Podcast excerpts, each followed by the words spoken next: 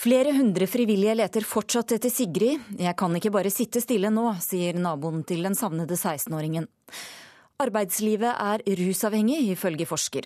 Mener sjefen bør nekte folk å drikke dagen før de skal på jobb. Og beste måling for Høyre på over 100 år. Jern-Erna viser myke sider i ukeslutt.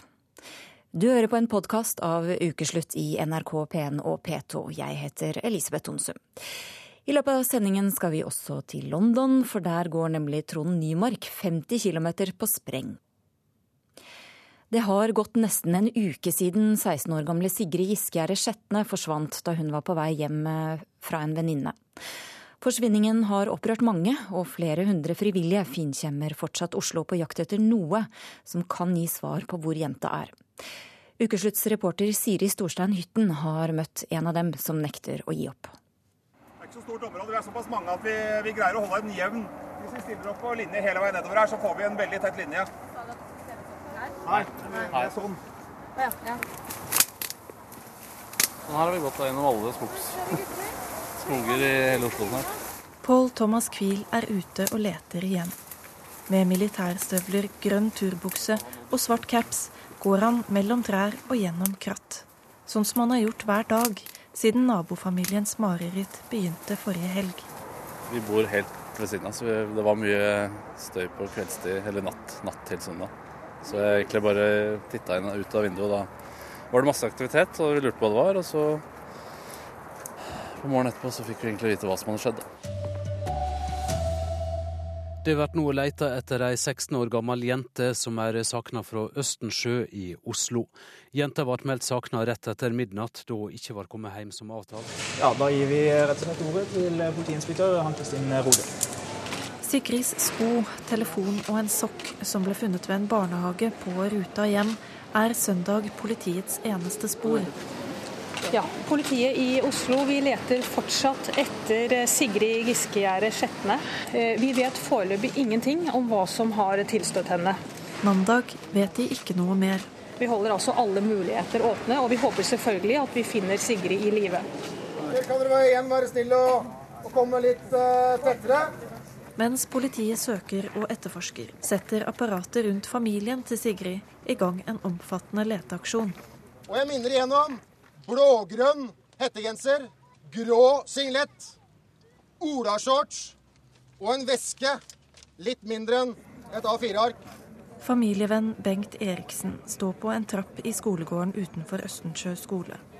Foran ham står flere hundre mennesker kledd i gule refleksvester. Noen unge jenter gråter stille, andre pakker sekken og gjør seg klare til å gå ut i skogen og lete. For vi leter og har ikke funnet. Vi skal lete til vi finner. Bra. Da foreslår jeg at alle går og henter det de skal, og så møtes vi borte ved målet her sånn. OK? Det er ikke noe hyggelig, rett og slett. Det er jo ikke det. Men, eh, men man må liksom bare stålsette seg, da. Men jeg føler at det, hvis det letter familien at vi er ute og leter, og så, så gir det en mening. Da. Fortvilelsen er liksom vi kan, ikke, vi kan ikke bare sitte rolig nå. Du, eh, du vet ingenting, og du vil ikke vite noe før du ser barnet ditt igjen, på en måte. I Klepp i Rogaland bor en mor som bedre enn de fleste kan sette seg inn i fortvilelsen hos familien på Østensjø. En søndagsmorgen i år 2000 får Torunn Austdal Rasmussen beskjed om at datteren er savnet. Vet du hva, de har det helt forferdelig, og det går ikke an å si det med ord, rett og slett. Og hjertet mitt blør for dem, for det er bare helt forferdelig. Jeg husker jeg reagerte med å si å nei, og så sprang jeg ned og låste meg inne på toalettet. Så tenkte jeg dette går ikke an. Vi hadde jo heldigvis, sånn som vi har i Oslo i dag, veldig mange frivillige. Så det ble satt opp leteaksjoner rundt forbi alle veier. Og jeg gikk og gikk og gikk. Jeg løfta på kummelokk, jeg løfta på alt jeg fant av løse ting for å finne noe. Ja, da skal jeg gi en oppdatering i forsvinningen av Sigrid.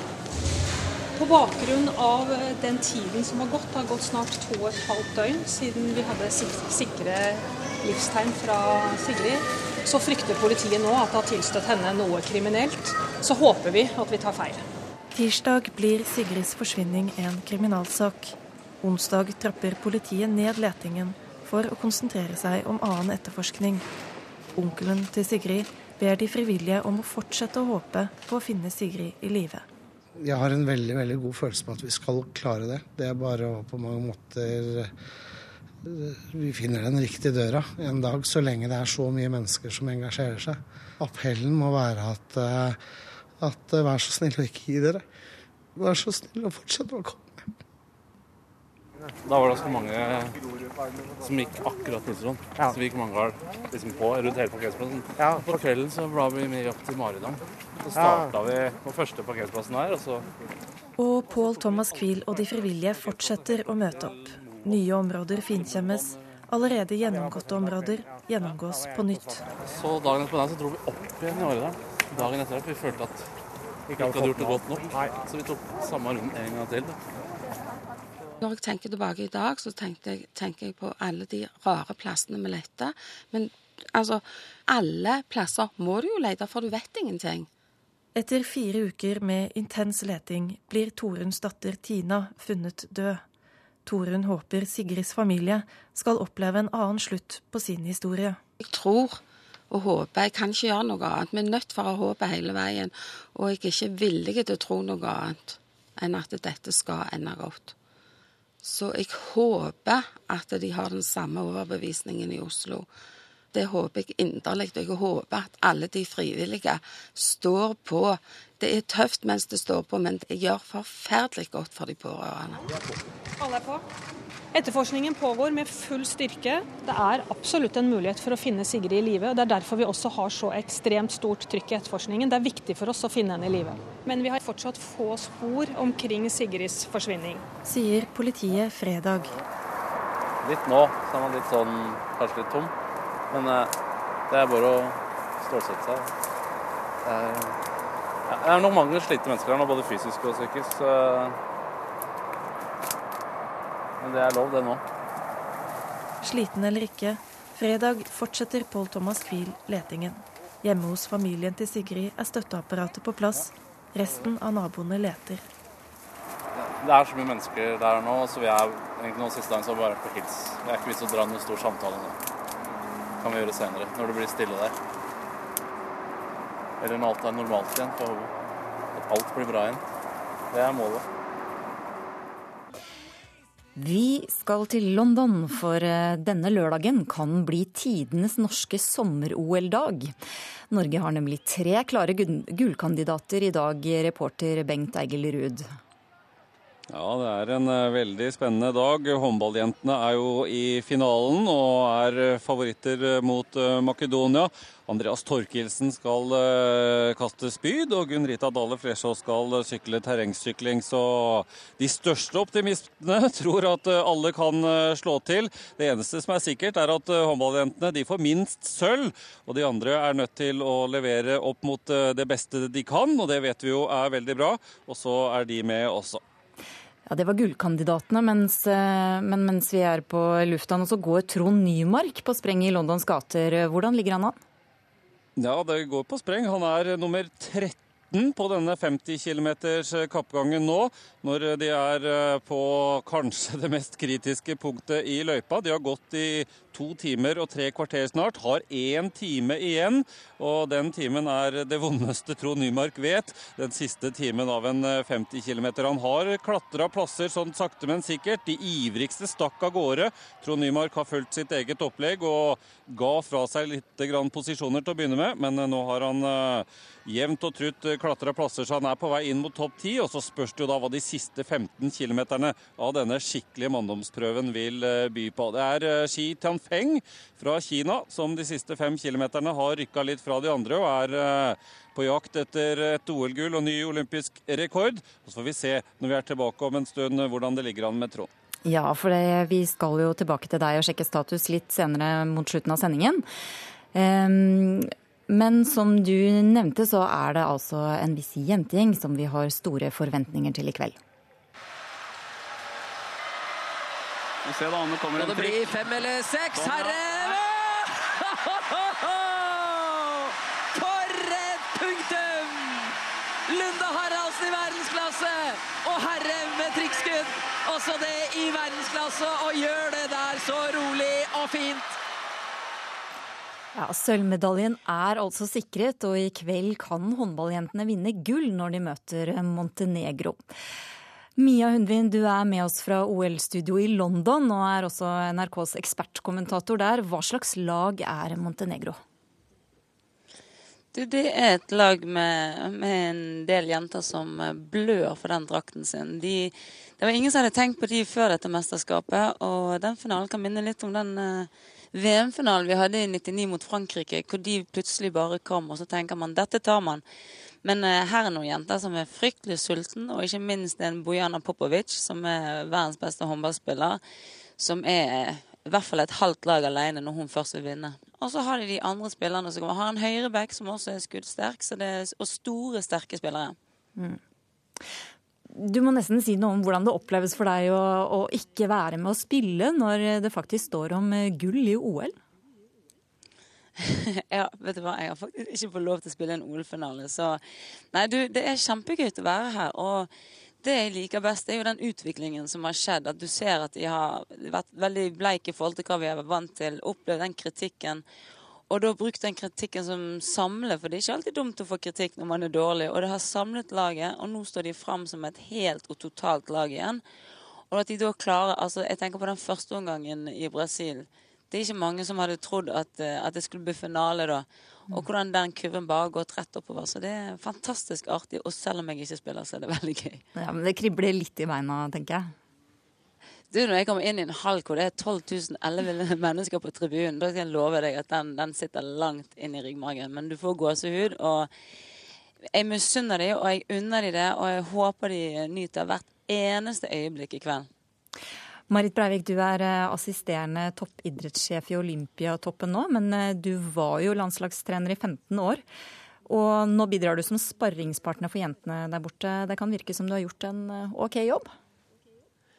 Først og fremst er jeg jo sparring for trenerne, og, og er egentlig eh, mer i en sånn bakspillerrolle der. Og har lite med, med spillerne og lagets utvikling å gjøre i selve OL. Jeg er mer tilgjengelig i forberedelsesperiode og i etterarbeid. Og samtidig så er det veldig godt å være tett på og se hvordan de jobber. De gjør eh, fantastisk jobbing i både trenerteam og i, i spillergruppa. og Man kan tro at det er liksom kritikken som gjør at de mobiliserer, men det er jo mer at de ikke har kjent at de har fått ut det beste av seg sjøl. De har vært lite fornøyd med sitt eget spill, og så har de gått uh, i seg sjøl og jobba med det de kan få gjort noe med, og det er imponerende.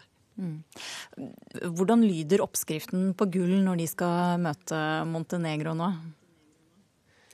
Det er først og fremst eh, et fokus på eget spill. Og, og, det er ikke så fokus på resultatet, for da, da får du aldri tak i den gullmedaljen. Det er mange som har erfart og bomma på det. det ha respekt for motstander, være nøye på hvordan en forbereder seg rent taktisk mot de. Og så er det fortsatt å bygge videre på det en er god til sjøl.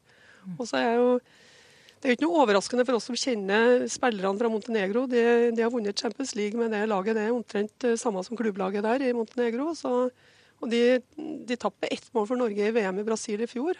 Og vi trodde at de skulle være bedre allerede da. Men, um, og så har de vært gode. De er taktisk gode. Veldig jeg vil nesten si litt sånn sleip i stilen sin. Og det, det er viktig at våre spillere tåler. Og de får mye juling eh, nå, mer enn det de fikk i semifinalen. og det er en ny kamp, og den er krevende. Vi skal snakke litt om betydningen av den lille talen, eller peptalken, som eh, treneren gjerne holder når, er, når, de har bedt om pause fordi laget spiller dårlig. Ehm, og her er noen eksempler, og innledningsvis eh, den russiske landslagstreneren som kaller spillerne sine for geiter og det som verre er.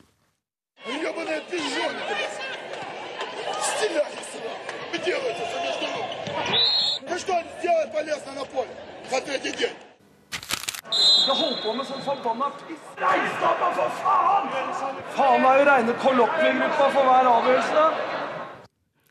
Ja, til slutt så hørte vi eh, så vidt deg, Tom Nordli. Du har ledet eh, syv fotballag i Eliteserien, og du er, som vi hørte, ikke spesielt redd for å vise følelser når du er i manesjen.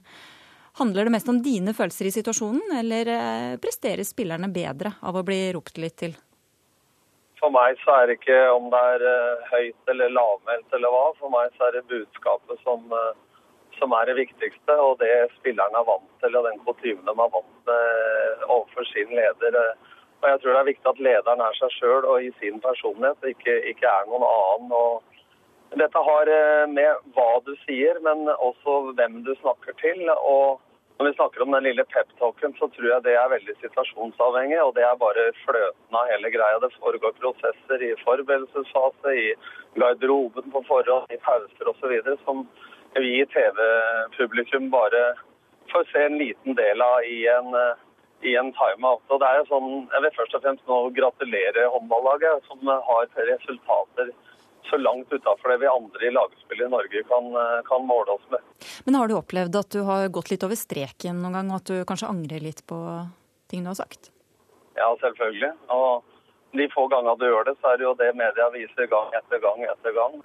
Eh, håndball og fotball er litt forskjellig, for jeg har vært med på å trene innendørslag i fotball, hvor man har timeout. og Når man kan samle laget midt i kampen og snakke til det, eller snakke til innbytterne som skal inn på banen, Eh, den eh, fordelen har vi ikke i, i fotball. og det er klart at Da kan det også foregå på en litt annen måte enn om man skal gi en beskjed 50 meter unna med 10 000-20 000 på tribunen. Så, mm. så, jeg tror eh, dette er litt forskjell fra, fra idrett til idrett, men jeg tror at likhetene er flere enn forskjellene er likevel. Ja, Marit Breivik, du og den russiske treneren eh, er vel ytterpunktet på skalaen, må vi kunne si.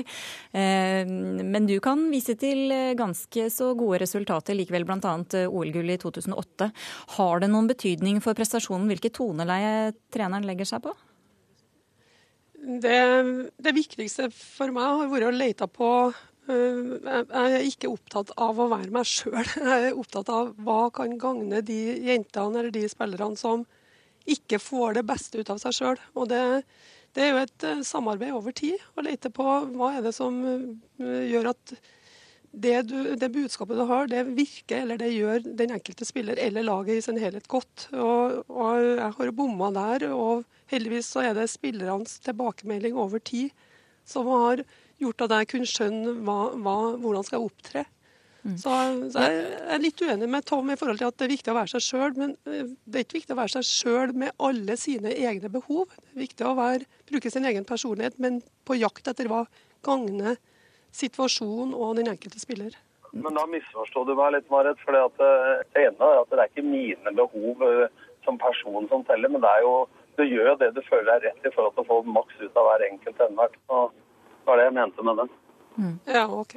Ja. Men, men, kan du komme på noen gang, Breivik, du nevnte at du har opplevd å, å tråkke feil. Kan du komme på noen eh, eksempler? Eh, feil i den forstand at jeg kunne fått tilbakemelding fra enkeltspillere at mm, eh, Eksempelvis, Du må gjerne rope til meg, Marit, men det virker fryktelig dårlig på meg akkurat nå. Eh, og Da går det an å, å, finne en annen kommunikasjonsform enn rop.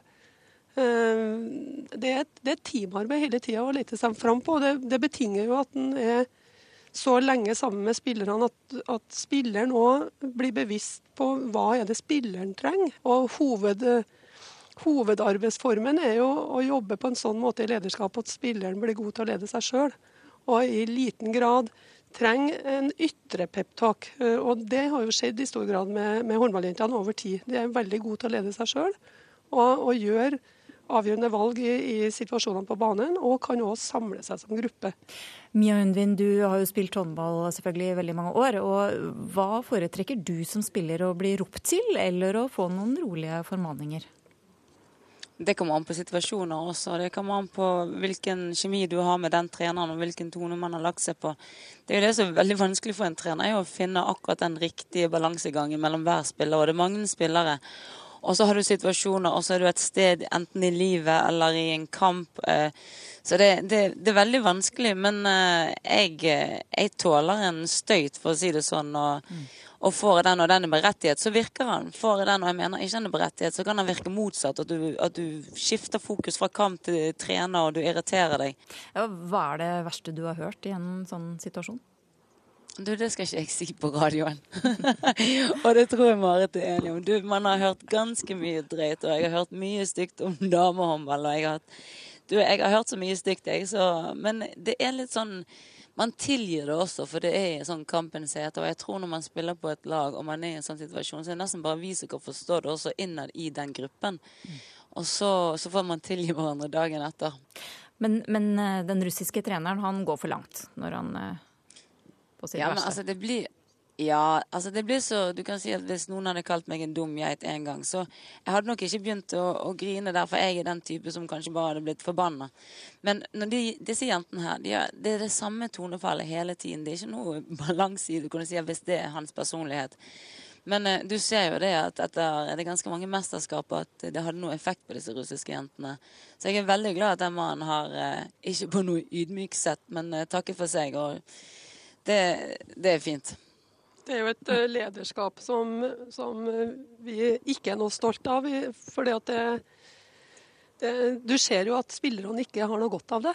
Eh, Det russiske landslaget er vel, hvis du tar spiller for spiller og, og 14 spillere, så er de det beste laget her. Mm. Men individuelt i forutsetninga. Men eh, eh, så til og med vi som er konkurrenter, får jo vondt av eh, hvordan de spillerne blir behandla.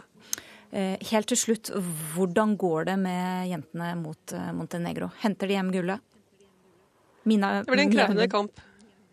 Ja, jeg, jeg kjenner jeg, jeg er litt der også. Jeg eh, tror det blir en jevn kamp. og jeg, jeg kjenner det sånn som jeg har sett jentene spille nå, og nettopp det som Marit var inne på også. Vi har flere spillere som kan komme inn og ta over noen andre Hvis noen andre trenger å hvile som er god. Og hvis vi klarer det, så tror vi vi tar den.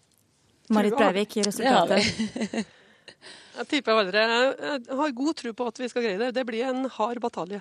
Så Tom Nordli, hva tror du? Jeg tror vi drar igjen dette, men at det skulle bli jevnt, det skulle bare mangle i en OL-finale.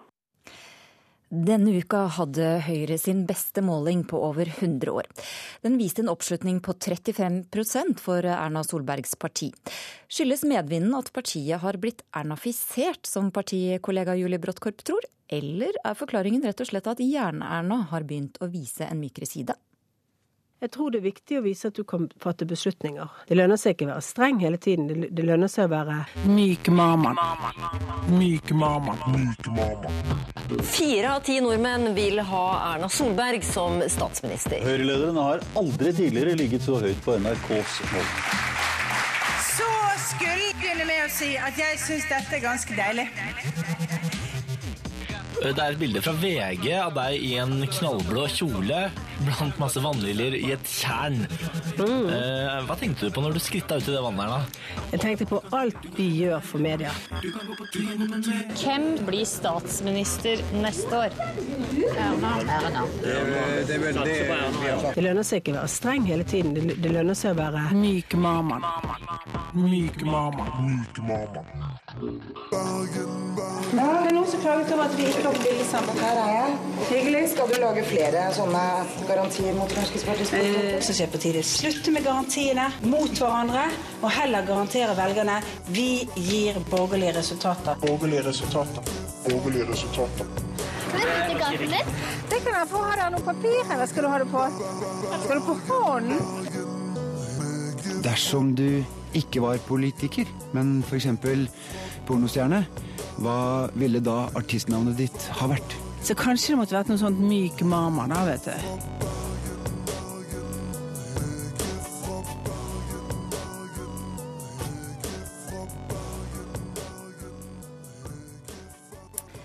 Det var Lillian Grønning som hadde satt sammen dette innslaget. Du hører på en podkast av Ukeslutt i P1 og P2, og blir du med oss videre, så får du høre at arbeidsgivere bør forby ansatte å drikke før de skal på jobb, mener forsker. 40% av alkoholbruken skjer i jobbsammenheng, viser forskning. Og meteorologene bommet på ekstremværet Frida. Jeg får bedre værvarsel av å kikke ut vinduet, sier Sven Runar, som nesten mista huset sitt i flommen. Men først. På mandag kommer den eh, mye omtalte rapporten etter 22. juli. Kommisjonen har vurdert eh, Kommisjonen har vurdert i hvilken grad myndighetene, ulike etater og også enkeltpersoner var forberedt på, og hvordan de håndterte terroren som rammet oss 22.07. i fjor. Trond Blattmann, du er leder for støttegruppen etter 22.07, og du mistet selv en eh, sønn på Utøya. Hvilke spørsmål er det du forventer svar på når rapporten kommer på mandag? Ja, først overordna så vil jeg si at eh, det, det, som er bestilt, er en tydelig usminka rapport eh, eh, som skal gi oss bilde av hva som skjedde 22.07. Det forventer jeg å få. Den rapporten må være sånn at storting og regjering evner å fatte gode beslutninger i forhold til det som kommisjonen beskriver som mangler eh, i, i, beredskapsbildet eh, per, i Norge per i dag. Så vi trenger altså en helt tydelig rapport om hva som skjedde 22.07. Usminka, og som er klar og tydelig på ansvarsforhold. Som er tydelig på, eh, eh, på hva som gikk galt. Eh, og som setter politikere i stand nå til å fatte vedtak, sånn at ikke tilsvarende kan skje igjen. Hvor viktig er det for deg at enkeltpersoner også blir stilt til ansvar? Ja, jeg pleier å si at et system svikter ikke alene. Et system svikter fordi at man på ledelsesnivået har fatta gale beslutninger. Og i så måte så er det alltid noen som har ansvar. Eh, og i den grad det skal tildeles skyld og ansvar, så er det de som er ansvarlige, som er øverste ledelsen, som må ta det ansvaret. Jeg er ikke ute etter å henge noen personer, eh, men jeg er ute etter å få svar på hva som gikk galt, hvordan det kunne gå galt. Og så må de som har ansvaret for det, ta det ansvaret. Ja, Men hva skjer dersom, eh, dersom svarene ikke er tilfredsstillende? Ja, nå har jeg så stor tiltro til Alexandra Bech Gjørv og hennes kolleger, for jeg har snakka med de flere ganger sammen med resten av styret i støttegruppa, at jeg tror ikke det kommer til å skje. Jeg tror vi får, eh, vi får den bestillinga eh, og svar på den bestillinga som Jens Stoltenberg ga. Og sånn sett så har vi store forventninger til rapporten som kommer på mandag. Mm. Noe av mandatet til eh, kommisjonen er også å se på myndighetens evne til å ta seg av skadde og pårørende. Mm. Hvilke forventninger har du til konklusjonen i forhold til dette? Ja, jeg har eh, store forventninger til det også. fordi at vi så jo i begynnelsen av, av, av den tida etter 22.07 at det var store hull i det hjelpe eh, eh, altså det helsevesenet rundt om i Norge. Kommunene klarte ikke å levere de tjenester som de skulle gi, og vi hadde masse tilbakemeldinger fra våre medlemmer i støttegruppa som sa at de hadde ikke fått hjelp. Så uten støttegruppa så hadde det ikke blitt som, som det er per i dag, og fremdeles opplever vi hull. Vi har vært i tett dialog med, med kommisjonen. Andre etterlatte rundt forbi landet har vært eh, i, i, dialog med kommisjonen. Der også overlevende og pårørende både fra regjeringskvartalet og fra Utøya har vært. Så de har fått masse informasjon som de da forhåpentligvis har systematisert, slik at vi får et bilde også på det. For det er viktig å lære av, av slike ting i ettertid. Mm. Ja, siden 22.07 eh, så har jo du vært talsmann for, eh, for andre som ble rammet. Mm. Men, men, midt oppi dette så har du jo også hatt din egen sorg som, eh, som du skulle bearbeide. Mm. Hvordan vil du beskrive det siste året? Nei, dette siste året har jo vært et helvetesår, for å si det på godt norsk. Det har vært et år som vi aldri trodde vi skulle få. Fordi at det å miste sitt eget barn i en sånn situasjon er helt utenkelig. Og i så måte så har det vært utrolig vanskelig og tøft. Og, og det er jo fremdeles vanskelig og tøft. Og, og, for mange av oss er det jo sånn at eh, en normal sorgprosess ikke har starta fordi at trykket fra media, eh, eh, fra, eh, ja, spesielt fra media, har vært så stort at man har liksom ikke fått starta en normal sorgprosess. Mm. Mm. Eh, takk skal du ha, Trond Latnan. Arbeidslivet er rusavhengig, det påstår en forsker du snart skal få møte. Undersøkelser viser at rundt 40% av alkoholinntaket vårt foregår i jobbsammenheng.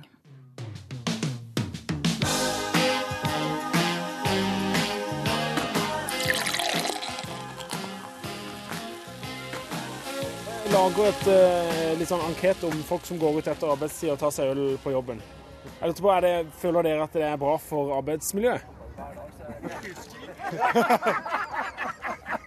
Jeg sier det en gang til og være litt nærmere. Jeg sa, nei, Vi gjør det jo hver dag, så det er kjempehyggelig. Jeg bare lurte på, Er dere kolleger som er ute og har noen øl sammen, eller venner? eller? Venner. Venner.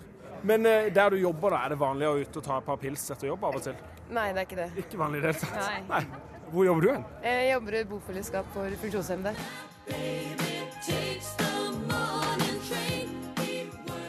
vanlig å ta en pils med kolleger der du jobber?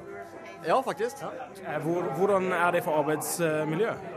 Eh, jeg tror det er ganske bra, men jeg, jeg er ikke med så mye. Men. Er det bra med de som ikke drikker? Jeg har faktisk aldri vært med på en fredagspils uten at noen drikker. Så, Så det, enten drikker man, eller så blir man hjemme. jeg tror alle henger med, faktisk. Sverre Nesvåg, du er forskningsleder ved kompetansesenteret Hvorfor i Stavanger. Eh, arbeidslivet har blitt rusavhengig, sier du. På hvilken måte? På den måten at det er svært mange sammenhenger der eh, en ikke kan tenke seg eh, å være sammen uten å drikke. Og det å ikke kunne tenke seg å være sammen uten å drikke, er jo en form for avhengighet. Og da mener du at arbeidsgiver må ta et større ansvar for å begrense jobbrelatert alkoholbruk. Hvordan skal det foregå? Jeg tenker meg mest at eh, arbeidsgiver må eh, sørge for at det blir diskutert på arbeidsplassen om hvordan en ønsker seg at en skal ha det. Eh, Fordi eh, drikking er jo en risikosport. Eh, Der er full mange gleder og mye fellesskap og mye opplevelse med drikking og drikkesituasjoner. Og samtidig så vet vi at det er mange former for risiko knyttet til drikking. Så, så det å finne en balanse mellom disse gevinstene og disse, denne risikoen, det er en oppgave som både arbeidsgivere og kolleger, arbeids, de ansatte, har i sammen. Mm, Men hvordan, hvordan konkret skal arbeidsgiverne forholde seg til dette? Ja, Det første er jo å bestemme seg for om det er noen typer situasjoner eller noen sammenhenger der en ikke vil at det skal drikkes i det hele tatt. Eh, sånn er det jo ellers i samfunnet òg, at vi har liksom bestemt oss for at eh, det er noen typer av aktivitet eller, eller sammenhenger der vi ikke skal drikke. Og, og grunnen til det er jo selvfølgelig fordi det er for risikofullt, det er for farlig. Eh, og, og da lager en gjerne regler for, i forhold til det. Men, Men som for f.eks. å fjerne jobbpilsen? Er det Nei, det er jo absolutt ikke en sånn situasjon. Eh, Men det kan jo absolutt være det at en f.eks. sier at en ikke ønsker at folk skal drikke i en periode før de kommer på jobb, eller at de skal ikke være i bakrus når de er på jobb. Og det å ikke være i bakrus når du er på jobb, det krever jo selvfølgelig noe av deg i forhold til hvordan du drikker på fritida di. Eh, Det kan òg være at mange vil sette regler i forhold til sikkerheten. Eh, I helsevesenet så vet vi at en nylig nå er innført regler om at en skal ha et pliktmessig avhold i i så og så mange timer før en eh, går på jobb. Og Det er typisk sånne regler som en lager seg for å beskytte arbeidsplassen og kunder og pasienter i forhold til drikkinga. Mm. Men at de, at de rett og slett må blåse før de kommer på jobb da, om morgenen, hvordan skal man håndheve det? En går vel ut ifra at når det er lagt en regel på en norsk arbeidsplass, så vil de ansatte forstå at det er en regel som er, der er fornuft bak. Så en trenger liksom ikke teste for å sørge for at ansatte overholder reglene. Hanne Tømta, du er teatersjef ved Nationaltheatret. Hvor vanlig er det å samle seg rundt et glass eller to eh, for dere? Nei, altså det er ganske vanlig eh, å feire eh, prestasjoner i et teater, f.eks. da en premierefest, med å, å drikke sammen i etterkant. Eh, nå er det jo jeg syns det er veldig interessant å høre på det Nesvåg sier. Han, han går jo rett i kjernen til hva til, til hvilke diskusjoner både en arbeidsgiver, men også arbeidstakerne eh, må forholde seg til. Og det er jo å trekke disse grensene. Og, og jeg opplever i hvert fall selv at det er fryktelig vanskelig, eh, fordi vi kommer fra en tradisjon hvor man har brukt alkohol som belønning for prestasjon. Men, men jeg, jeg, jeg kjenner jo en del av, temaene hans igjen og, og opplever at i hvert fall vi i Nationaltheatret forsøker å tydeliggjøre nettopp de alkoholfrie sammenhengene. Vi forsøker også å skape sosiale sammenhenger, som f.eks. å gå Besseggen eh, som gruppe. Der er det ikke mulig å se for seg at man går over Besseggen med en flaske akevitt i hånda, for å si det sånn. Men fungerer det? Vil folk gjøre det? Jeg opplever at eh, folk søker hverandre i sammenhenger i, i større og større grad som er, eh, hva skal jeg si, orientert mot, eh, mot det å gjøre noe sammen og prestere noe sammen uten at det er alkohol til stede. Så det opplever jeg som en positiv utvikling.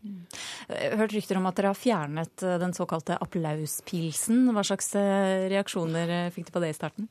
Nei, altså dette her er på en måte kanskje blitt litt hengende ved meg, den applauspilsen som begrep. Den, eh, den hører nok på mange måter fortiden til. Det at eh, en skuespiller som var ferdig eh, på eh, scenen og kun satt og ventet for å komme inn og ta applaus, der var det nok tidligere, eh, og da er snakker vi en god stund tilbake, en del som, som, tok et glass i garderoben. Det er ikke vanlig lenger, og det er det ingen av skuespillerne på Nationaltheatret som har gjort på fryktelig lang tid. Så jeg skal ikke stå for å ha liksom eliminert akkurat en gammel tradisjon, men jeg tror det er viktig å, å være veldig tydelig på at det å jobbe og det å drikke, det kan man ikke gjøre samtidig.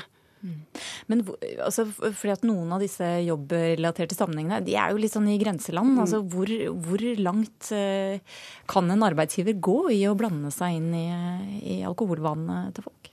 Nei, altså jeg, jeg, har jo erfaring med å gå uh, over streken da, for hva som kanskje er uh, juridisk akseptabelt. Og det er jo nettopp, og det er en uh, offisiell historie fra Rogaland teater med en eh, ansatt der med et eh, helt tydelig og klart og enormt eh, alkoholproblem. Og da ble vi sammen enige om at for at vedkommende skulle være i stand til å, å fortsette i arbeidet sitt, så, så var det å sette igjen den korken 24 timer i døgnet i alle sammenhenger i ferier. Og da var det ikke bare en sånn, hva skal jeg si, pliktmessig avhold på noen timer. Det var rett og slett et totalt avhold som, som vedkommende trengte for å, å, å, ta tak i et stort eh, problem. Og, og, det holder nok sikkert ikke stikk eh, i forhold til hva man kan kreve av en ansatt, men det gjorde i hvert fall at vedkommende fikk bukt med et langvarig problem. Mm. Sumit Singh, mange har sett deg i NRK-serien Lovesick på jakt etter kone. Du har sagt at du går glipp av Norge dersom du ikke er med på lønningspilsen. På hvilken måte? Nei, altså Som, som Tømta var innpå, så er jo alkohol eh, på en arbeidsplass eller etter arbeidstid en lang tradisjon. At eh, man feirer en prestasjon. Eh, og kanskje ikke jeg direkte feirer en prestasjon på jobben min, men jeg feirer løn lønninga mi. Eh, og alle rundt meg gjør det. Eh, så det er jo en lang tradisjon for det. Og jeg har på en måte innsett at jeg kan ikke stoppe den tradisjonen. Eh, ja, for du drikker ikke alkohol? det hører Nei, jeg. Ja, jeg, nemlig. Jeg drikker ikke alkohol. Eh, jeg har aldri drukket alkohol. Men jeg blir veldig gjerne med på lønningspilsen, og jeg tror det er viktig at jeg drar dit. Men hvordan oppleves det når du, når du drikker Farris i stedet for Nei, altså, jeg, jeg mener jo at uh, jeg har mye å lære å dra dit, for det er veldig mye som skjer på lønningspilsen. Uh, jeg føler jeg går glipp av samfunnet, uh, og jeg lærer veldig mye om norske normer og norske samfunnet ved å gå på lønningspilsen.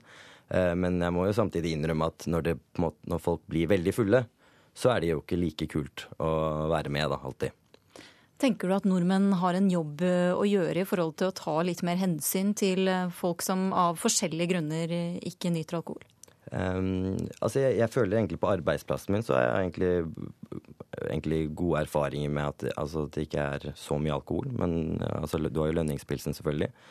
Uh, men når jeg gikk på skolen, altså fadderuka, der er det jo alkoholen kanskje den viktigste ingrediensen. Så jeg tror jo der kunne man kanskje gjort eh, noe Kanskje finne gode alternativer, da. Ja, hvilke, hvilke alternativer kan man tenke seg, Nesvåg? Jeg tror nok at uh, litt av problemet er vel at uh, drikkinga er blitt litt sånn automatisert. Det er den som vi ikke trenger å diskutere for at vi går i gang med det. Sånn at det for i det hele tatt å tenke seg at det skulle være alternative aktiviteter, eller at en skulle kunne være i sammenhenger uten at det drikker, så må det snakkes om det. Og eh, Da er det ikke så vanskelig å komme på opp med alternativ, for folk er ganske kreative i forhold til hva de syns det er kjekt å være med på. Eh, på mange måter så er det den lette utveien å ty til alkoholen i alle sammenhenger. Ja, men, men, forskning viser jo også at det er et sterkt sosialt lim i alkohol, og at, eh, at også arbeidstakere som tar et glass sammen på fritiden, er mer lojale, og de trives bedre på jobb. Ja, altså Det du kan si, det er jo det at alkoholen eh, oppleves å ha svært mange positive virkninger. og Det gjelder enten det er tilknytning til arbeid eller det er på andre eh, arenaer i samfunnet. Og det er jo ingen poeng i å prøve å sette en, en, stopper for alle de gevinstene som opple folk opplever med bruk av alkohol. Eh, problemet er jo bare det at eh, hvis vi liksom lar dette være en helt automatisk ting vi gjør, og ikke tenker gjennom hvordan vi skal balansere gevinstene mot risikoen. Vi gjør jo det på mange andre områder i samfunnet, f.eks. For i forhold til biltrafikk eller på andre områder. Vi vet jo at det er en risiko med det. Og samtidig så vet vi jo at dette er noe vi skal fortsette å holde på med. Og jeg tror den Diskusjonen omkring hvor disse grensene skal gå, og hvilke sammenhenger ting passer og ikke passer i, det er en viktig ting å ta opp enn nesten alle arbeidsplasser i Norge. Mm. Tømta, kunne du sett for deg et julebord eh, uten rødvin med dine? ja, jeg er usikker eh, på akkurat det. Det tror jeg kanskje er den ene gangen i året på teatret hvor absolutt alle møtes. Så Sumiting, hva sier du? Hvis vi først presses til det, så tror jeg det er veldig mulig å finne gode alternativer.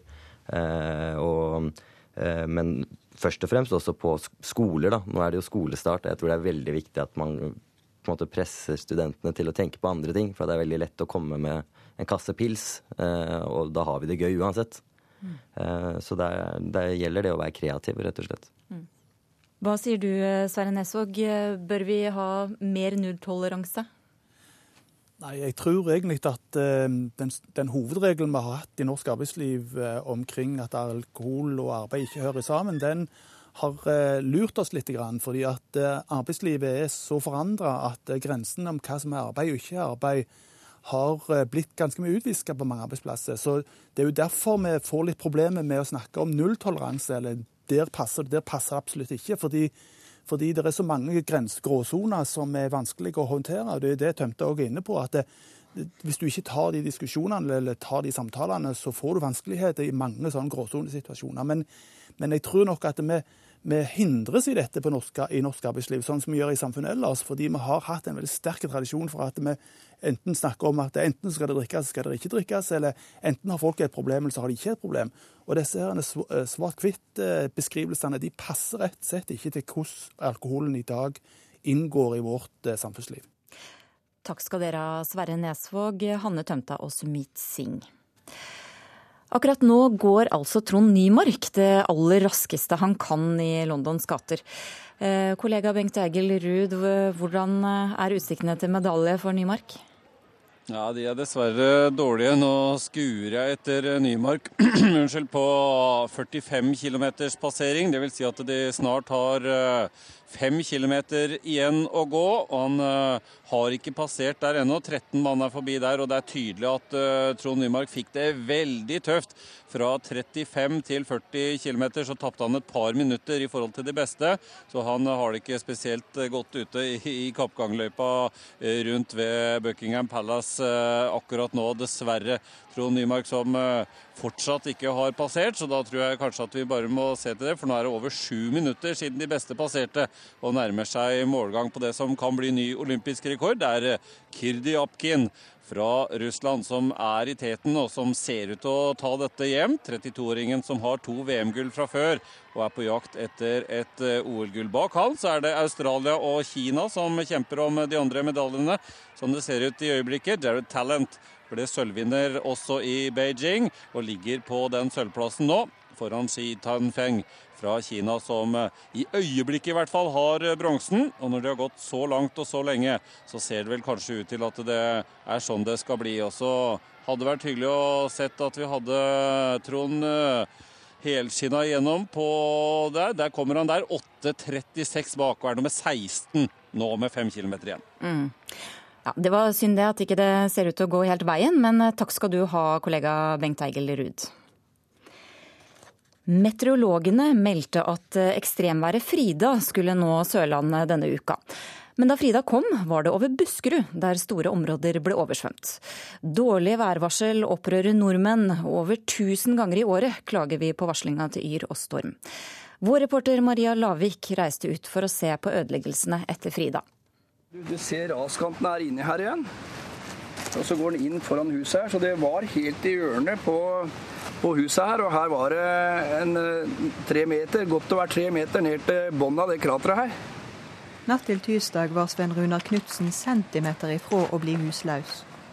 Monsterregnet skaper store vannmasser som holdt på å ta med seg huset hans. Det buldrer fælt i fossen, og det er jo kjempedigre steiner som har gått nedover i det, i, i, med vannet. Og det har jo rumla godt. Det, er, det har, har, hørt ganske ille ut, altså.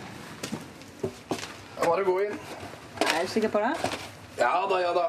Må bare gå inn. Det er, her, det er jo sand her nå, vet du. Sand, det er sand overalt. Uværet ble aldri meldt i Nedre Eiker, der Sven Runar bor. Hvis du hadde fått et varsel, så kunne den kanskje, siden dette da ville være et risikoområde, fått eh, kanskje en, en gravemaskin stasjonert her i stedet for et annet sted. Eller at de da også hadde kunnet gravd opp en vold her som kunne tatt imot en del av dette her. Da hadde de ikke beramma huset i det hele tatt. Sven Runar har nå mista trua på de som melder været. Nå er det jo mye teknologi og sånn i dag sånn Han skulle kanskje tro at du skulle kunne klare å beregne det litt bedre, men jeg, jeg syns det går litt sånn på lykke og fromme noen ganger. Noen ganger stemmer det, andre ganger stemmer det ikke. så jeg må jo si at jeg stoler vel ikke på det. Jeg gjør ikke det. Det verste er vel hvis at de mener at vi ikke har noe utdannelse, og at hvem som helst kan være meteorologer. De egentlig ikke underkjenner yrket vårt. Det sier meteorolog Roar Teigen i Storm. Han har måttet svare på mange klager over feil værvarsel. Nordmenn ringer og sender inn over 1000 klager på værvarslinga i året. En av de som har klaga, er Jørn Sur, bonde i Alta. Etter flere feilvarslinger så tok jeg bare telefonen og så ringte jeg til eh, Meteorologisk institutt og, og lurte på om meteorologen hadde reist på ferie. Tipset mitt til folk som vil forstå værmeldingen bedre, er at når de får med seg både på tekstvarsel og varsel på fjernsyn at eh, meteorologer sier at det er meldt ustabilt vær med regnbyger. Så må de bli veldig mistenksomme og kanskje ikke tro fullstendig på det de ser på yr.no og stam.no i forhold til timesymbol. Fordi at i en slik værsituasjon så vil disse symbolene veldig ofte rett og slett være feil.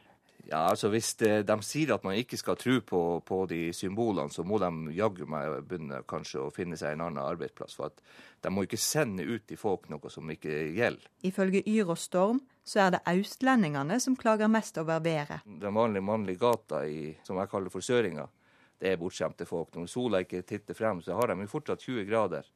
Når vi ikke har sol på himmelen her, så har vi 6 grader. det må bare kikke hvis du vil. Ja. ja, det er helt ekstremt, dette. Får ikke håpe vi får noe sånt noe mer. Kommer det mange bare for å se? Ja, veldig mange. Det har vært eh, utrolig mye mennesker her. Vi drev og fleipa litt med at vi skulle få tak i noen folk som kunne selge kaffe og kaker og ta inngangspenger.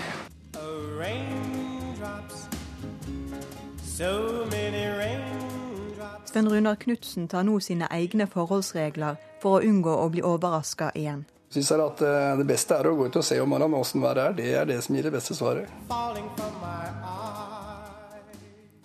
Ja, Statsmeteorolog Per Egil Haga, hvor sikker er du på de værutsiktene du straks skal dele med oss? Ja, jeg må jo si at eh, alltid så er det et element av usikkerhet i en værprognose. Noen ganger er usikkerheten stor, andre ganger er den lav. Det har den kanskje vært i det siste? Det har den vært, ja. Eh, for morgendagen så er ikke usikkerheten så stor. Den knytter seg her i sør til litt hvor mye sol det skal bli, og i nord hvor mye regn det skal bli. Men det er ingen dramatikk i varselet nå, så det er et eh, forholdsvis uh, greit varsel vi har. Ja, la oss høre. Det gjør vi, og da begynner vi med temperaturutsiktene. Og da blir det i Hordaland, Sogn og Fjordane, Møre og Romsdal og Trøndelag stigende temperatur. I resten av landet omtrent uendrede temperaturforhold. Så værvarsel som gjelder til søndag klokken 24. Østafjells og fjellet i Sør-Norge skiftende bris, i dag sørvestlig frisk bris på kysten øst for Oksøy. Utrygt for lokal morgentåke i innlandet, ellers for det meste pent vær. Rogaland og Hordaland nordvestlig til dels frisk bris og stort sett pent vær. Søndag skiftende bris, først på dagen lokalt lave tåkeskyer, ellers pent vær. Sogn og Fjordane dreining til nordlig bris. Søndag bris av skiftende retning og stort sett pent vær. Møre og Romsdal sørvestlig frisk bris og minker til skiftende bris. Fra søndag ettermiddag nordøstlig frisk bris på kysten og til dels pent vær. Trøndelag sørvestlig frisk bris, i kveld minkende. I dag litt regn i nord, ellers oppholdsvær. Fra søndag ettermiddag nordøstlig til dels frisk bris og etter hvert pent vær, først i sør. Nordland sørvestlig bris og spredt regn. Fra søndag ettermiddag skiftende bris og lettere vær i sør. Troms Sørvestlig frisk bris på kysten, søndag minkende. Periodevis regn, vesentlig i ytre strøk. Finnmark vestlig frisk bris på kysten, av og til liten kuling. Perioder med regn vesentlig på kysten. Og til slutt Nordensjøland på Spitsbergen, sørvestlig bris for det meste opphold. Fra søndag ettermiddag spredt regn. Du har hørt en podkast av Ukeslutt. Ansvarlig for sendingen Kari Li. Teknisk ansvarlig Karl Johan Rimstad. Jeg heter Elisabeth Onsum.